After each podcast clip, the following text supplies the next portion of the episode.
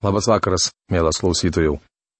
Šiandien toliau keliausime Naujojo testamento puslapiais, jau trečia laida, kaip esame Naujajame testamente. Nagrinėsime toliau pirmą laišką tesalonikiečiams. Pirmos kiriaus tema yra Kristaus ateimas įkvepianti viltis ir mes dar nepabaigėme nagrinėti pratarmės, kurie prašyta pirmoje ketvirtoje eilutėse. Mes apžvelgėme tik tris pirmasias eilutes, kurias po maldos Aš priminimui perskaitysiu ir mes pratesime rašto apžvalgą. Dangaus Dieve, mes dėkojame tau už tavo žodį, kurį galime atsiversti ir kurį tu mums išsaugojai. Dėkojame tau, Dieve, už tavo dvasę, kurią paženklinai ir kurios pagalba mes šiandieną galime semtis tos išminties. Prašom, kad tu prabiltum šį vakarą į kiekvieno, kuris yra prie radio imtuvo, širdį. Dieve, padėdamas suprasti tuos žodžius, kuriuos skaitysime, ir padėdamas pamatyti, kaip kiekvienas iš mūsų turime pasikeisti savo mąstymę ir veiksmuose. Prašom palaimink šį laiką. Jėzaus vardu. Amen. Paulius, Silvanas ir Timotėjus tesalonikiečių bažnyčiai Dieve tėve ir viešpatyje Jėzuje Kristuje. Malonė jums ir ramybė.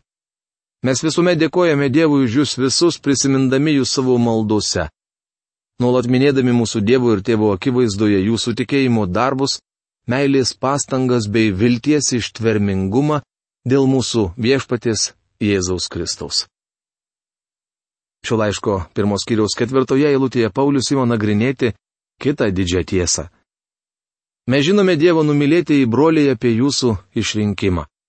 Pirmas laiškas tesalonikiečiams, pirmas skyrius ketvirta eilutė. Šioje eilutėje apaštalas Paulius vėl pavartoja žodį išrinkimas.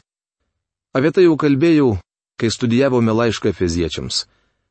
Mūsų išsirinkdamas jame prieš pasaulio sutvėrimą, kad būtume šventi ir nesutepti jo akivaizdoje. Rašoma Efeziečiams laiško pirmos skyriaus ketvirtoje eilutėje. Kai baigėme studijuoti laišką Efeziečiams, gavau keletą laiškų. Vienose buvau kritikuojamas už tai, kad per silpnai pabrėžiau išrinkimą ir suteikiau jam per mažai reikšmės. Kitose laiškuose buvo rašoma, kad per daug kalbėdamas apie išrinkimą nuėjau iki kraštutinumo. Kadangi sulaukiau dviejopos reakcijos, padariau išvadą, jog viską atlikau maždaug taip, kaip reikia. Žinojau, jog tikrai negalėjau nukrypti į abu kraštutinumus. Vadinasi, pataikiau kažkur į vidurį o tai turėtų būti tiksliausias variantas. Kaip jau minėjau pirmame laiške, Tesalonikos tikintiesiems Paulius rašo apie dievišką išrinkimo aspektą, kurio mes niekada nesame matę. Mielas bičiuli, yra tam tikros didžios tiesos aksiomos, kurias turime įsiminti. Kai studijavau planimetriją, tai mokslas tyrintis plokščiasias figūras. Kai kurios aksiomos buvo pateiktos be jokių įrodymų. Kaip pavyzdį galėčiau paminėti aksiomą, jog trumpiausias atstumas tarp dviejų taškų yra tiesė. Niekada neturėjau progos apie tai padiskutuoti. Tiesą pasakius, niekas ir nebandė man to įrodyti, nors geometrijoje ši teorema yra įrodoma. Vis dėlto kai kuriuos faktus mes priimame be jokių įrodymų. Vienas iš jų tai faktas, kad tam tikrų dalykų teisingumo įrodyti neįmanoma. Šiame laiške apaštalas Paulius nebando ginčyti ar įrodyti išrinkimo. Jis tiesiog konstatuoja faktą, mes žinome, Dievo numylėtieji broliai apie jūsų išrinkimą. Kuriejas turi savo suverenę teisę. Dr. Albertas Hyma iš Mičigano universiteto yra pasakęs, kad pastaruosius 50 metų Amerikai vadovavo vyrai, neišmanantys tautos kilmės ir pradžios. Jie nesuvokė, jog puritonai šiai tautai padarė nepaprastai didelę įtaką. Dievo suverenumas yra viena iš didžių tiesų, kurias gynė puritonai. Ši tiesa padarė didžiausiai įtaką visam jų gyvenimo būdui. Dievo suverenumas lemia išrinkimą ir visą tikinčiojo gyvenimą. Kaip jau minėjau, kuriejas turi savo suverenę teisę. Mes turime pripažinti, kad visatą sukūrė Dievas. Mane labai svarbu, kaip jis tai padarė. Aš nesirūpinau dėl to, kaip tai aprašyta pradžios knygoje. Aš paprasčiausiai noriu pabrėžti faktą, kad pradžioje Dievas sukūrė dangų ir žemę. Kai kurie žmonės pripažįsta, kad pasaulį sukūrė Dievas, tačiau nesuteikia jam teisės tą pasaulį valdyti. Jie neduoda jam teisės suteikti visatai tikslą. Leiskite jums pasakyti, kad mes gyvename visatoje, kurią sukūrė Dievas ir kurį gyvoja jo šloviai. Evangelijos pagal Mata 5 skyriaus 16 eilutėje užrašyti viešpatės Jėzaus žodžiai. Taip te šviečia ir jūsų šviesa žmonių akivaizdoje, kad jie matytų gerus jūsų darbus ir šlovintų jūsų tėvą danguje. Jis nepasakė, jo geri jūsų darbai turi pašlovinti jūs. Jie turi pašlovinti tėvą danguje.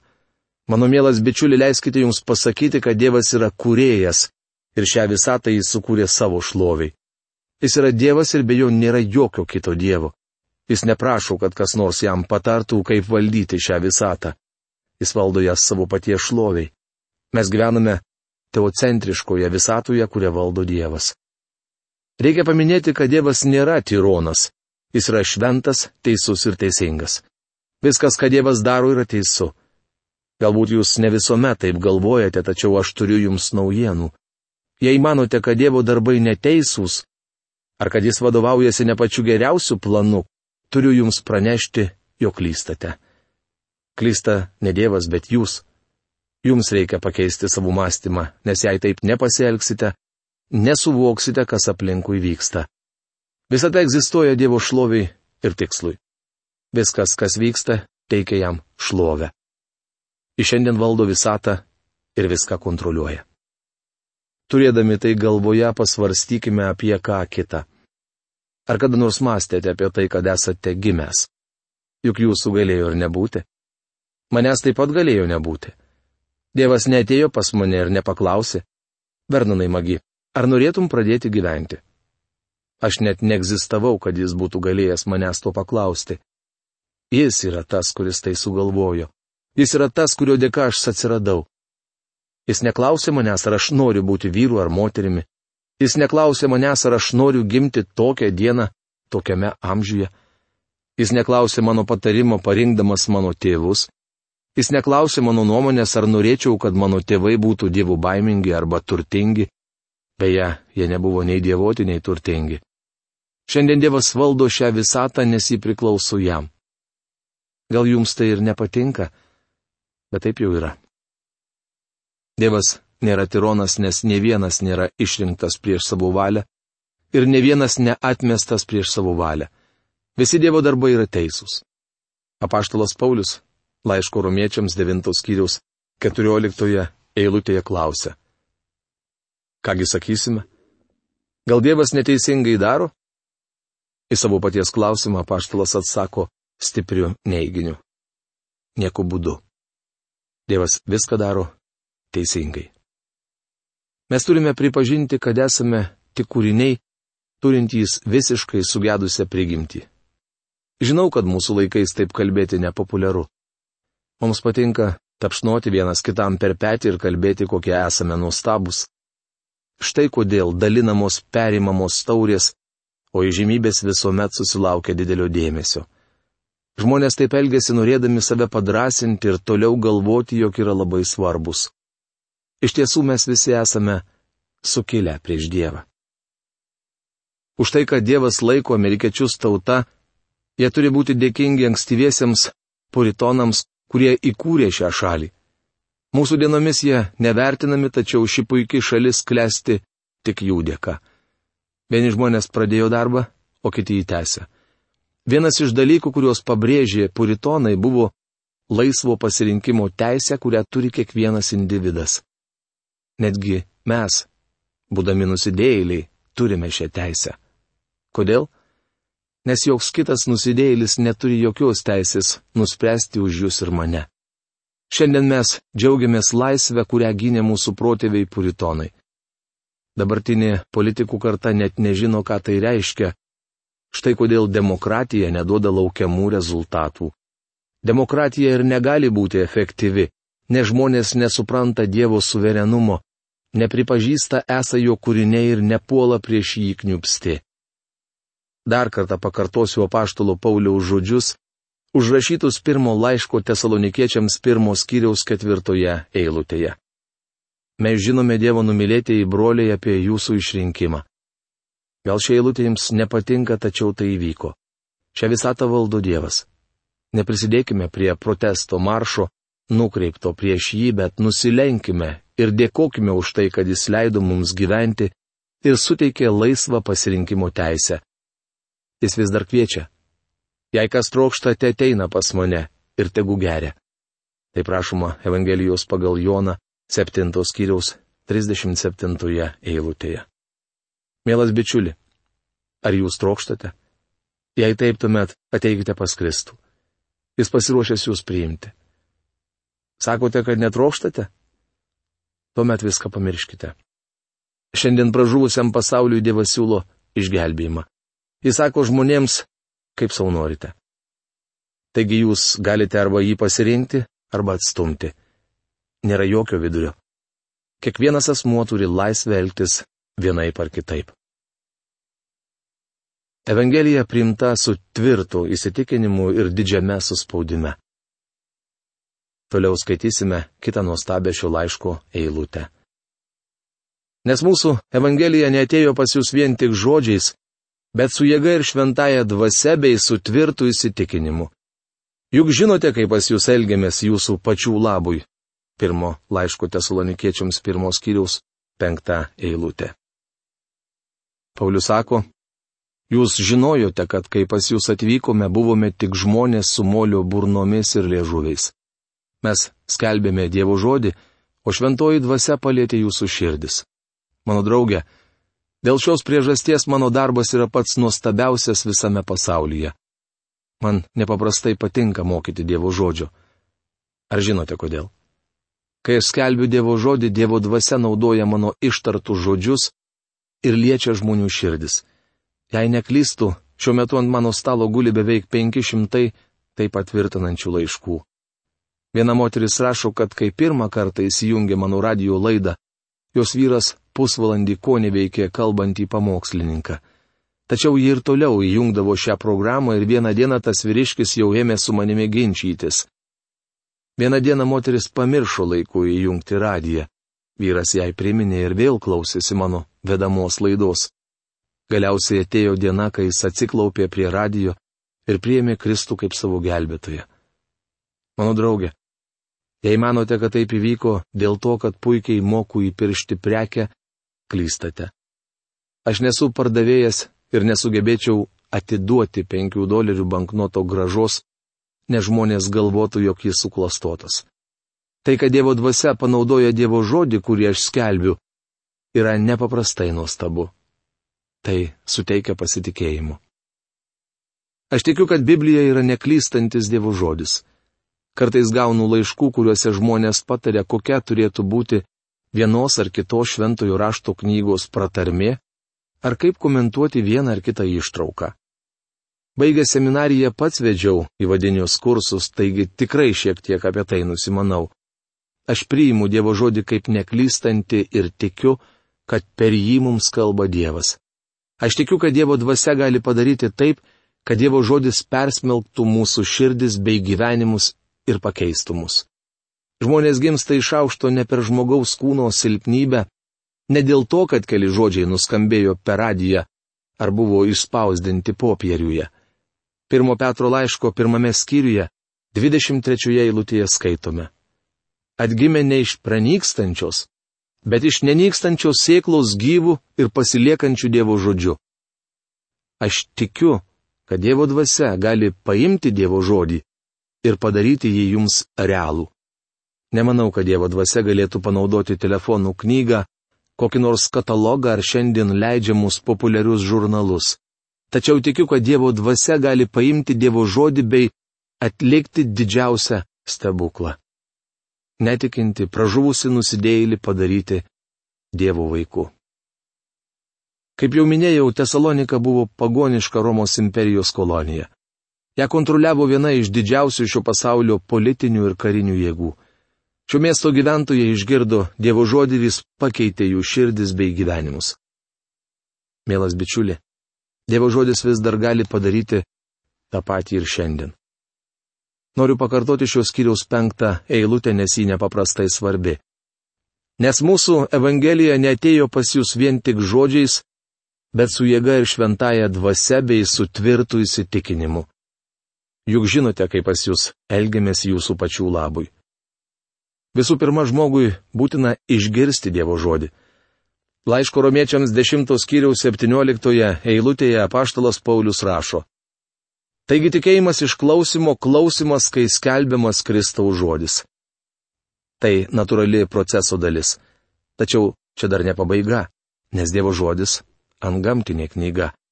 Be šventosios dvasios Evangelija yra tik žodžiai. Su šventaja dvasia - tai Dievo jėga išgelbėti kiekvienam, kuris patikės. Evangelijos pagal Joną 16 skyriuje nuo 7 iki 11 eilutės užrašyti viešpatės Jėzaus žodžiai tiksliai apibūdinantį šventosios dvasios darbą. Bet sakau jums gryną tiesą. Jums geriau, kad aš iškeliauju, nes jei neiškeliausiu, pas jūs neteis globėjas. O nukeliavęs aš jį jums atsiųsiu. Jis ateis ir parodys pasauliui, kaip šis klysta dėl nuodėmės, dėl teisumo, dėl teismo. Dėl nuodėmės, kadangi netiki manimi. Dėl teisumo, kadangi aš pas tėvą einu, o jūs manęs daugiau neberegėsite. Dėl teismo, kadangi šio pasaulio kunigaikštis jau nuteistas. Todėl jūs ne tik pasidarėte mūsų ir viešpatė sekėjai, prieėmė žodį didžiame suspaudime su šventosios dvasios džiaugsmu. Pirmas laiškas tesalonikiečiams, pirmas skyrių šešta eilutė. Paulius sako, kad Silas, Timotiejus ir jis buvo tesalonikiečiams pavyzdys. Asmeniškai aš nedrįščiau sakyti, kad esu pavyzdys. Nemanau, kad esu tam tinkamas. Tačiau apaštalas Paulius, keliaudamas iš vienos vietos į kitą per visą Romos imperiją, kalbėjo tikintiesiems apie save kaip apie pavyzdį. Priemė žodį didžiame suspaudime su šventosios dvasios džiaugsmu. Suspaudimas arba kentėjimas ir džiaugsmas - tai priešingos reikšmės žodžiai nutolia vienas nuo kito kaip rytai nuo vakarų. Tai priešingybės neturinčios nieko bendra kaip naktis ir diena. Žmogiškai mastant, jei žmogus kenčia ir yra suspaudime, jis negali džiaugtis.